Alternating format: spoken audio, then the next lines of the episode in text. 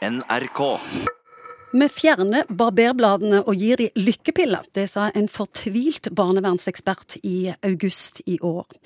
I fjor fikk 330 000 nordmenn resept på lykkepillen, og bruken har spesielt økt for kvinner mellom 15 og 19 år. Bruken av antidepressiva blant unge jenter har økt med 83% på ti år, viser nye tall. Og lege Morten Munkvik, først av alt, hvordan virker lykkepillen? Lykkepillen virker ved å øke stemningsleiet når det er sykelig senka.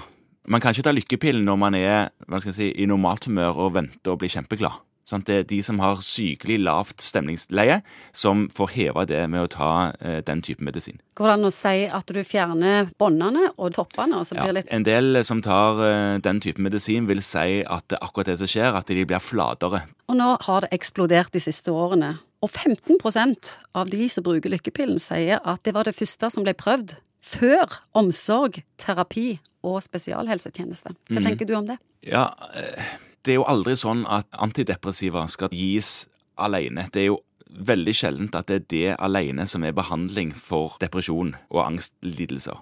Det kommer i tillegg til andre tiltak, og det er jo ofte sånn, pleier jeg å si, at effekten av medisinen er ikke egentlig nok. Det hva effekten av medisinen gjør mulig av annen type behandling, som er viktig. Men dette foregår jo ikke. Nei, det er nok eh, noen ganger sånn at eh, lykkepillen eller antidepressiva vil være en quick fix.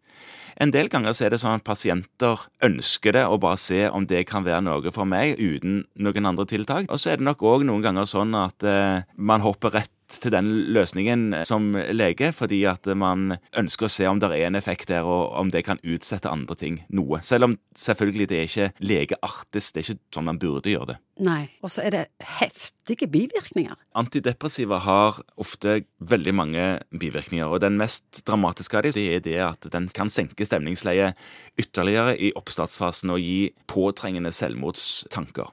Det er jo noe man er nødt til å ta på alvor, og man burde alltid ta inn de som starter på antidepressiva til en kontroll, og følge ekstra godt med på de de første ukene i oppstarten for å være sikker på at man fanger opp den typen bivirkninger som føles veldig ubehagelig òg for selvfølgelig den som eier sykdommen. Danske forskere sa i februar i år etter en svær undersøkelse at de små gunstige effektene av lykkepillen blir oppveid av bivirkningene. De sier rett ut at lykkepillen ikke er noen vits i, og her i Norge har det eksplodert. Ja, En del ganger så er nok det sant, men eh, min erfaring eh, med antidepressiva er at eh, vi prøver det i enkelte tilfeller. Virker det, så er det fint. Virker det ikke, så stopper vi eller bytter. Sånn at eh, Er fastlegene for dårlig informert? Nei, det tror jeg ikke. Det stemmer at en vanlig fastlege vil føle seg komfortabel med å starte opp med antidepressiva. Trenger ikke innom spesialisthelsetjeneste for å starte med det. Men det er jo helt klart avhengig av depresjon, angst, tyngde, om man henviser videre til samtaleterapi parallelt med at man starter med antidepressiva. Men man må iallfall sørge for å ha en eller annen form for sikkerhetsnett og vurdering av effekt, sånn at man stopper med behandling dersom effekten uteblir, eller dersom bivirkningene blir for store. Det tror jeg egentlig norske allmennleger er ganske gode på. Jeg vet ikke helt hvordan det foregår i Danmark, men i Norge så tror jeg vi er ganske gode på denne typen behandling.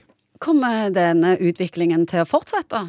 At eh, fastlegene bare kaster ut lykkepiller til alle stressa Jeg, jeg vet ikke om det stemmer, det du sier, at det kastes ut. eh, Kanskje jeg overdriver litt, men, ja, eh, men du setter det på spissen, men det er greit Ja. nok, det. Eh, Men alle, alle som er stressa, skal iallfall ikke ha lykkepiller. De som er deprimert og har et sykelig senka stemningsleie pga. sin depresjon, de kan forsøke tabletter. Men det er jo ikke alle som vil ha tabletter, og det er jo òg helt greit. Men da er det andre typer tiltak som kan være like effektive, med samtaleterapi og kognitiv terapi og sånne ting som enkelte allmennleger holder på med, men som òg kan henvises til spesialisthelsetjeneste eller gå til private tilbydere av eh, samtaleterapeutiske tilnærminger. Det går òg an. Men det som er interessant med, med antidepressiva, det er at man vet jo egentlig ikke helt hvordan det virker. Og det er interessant etter at man har holdt på med det nå i eh, 50 år.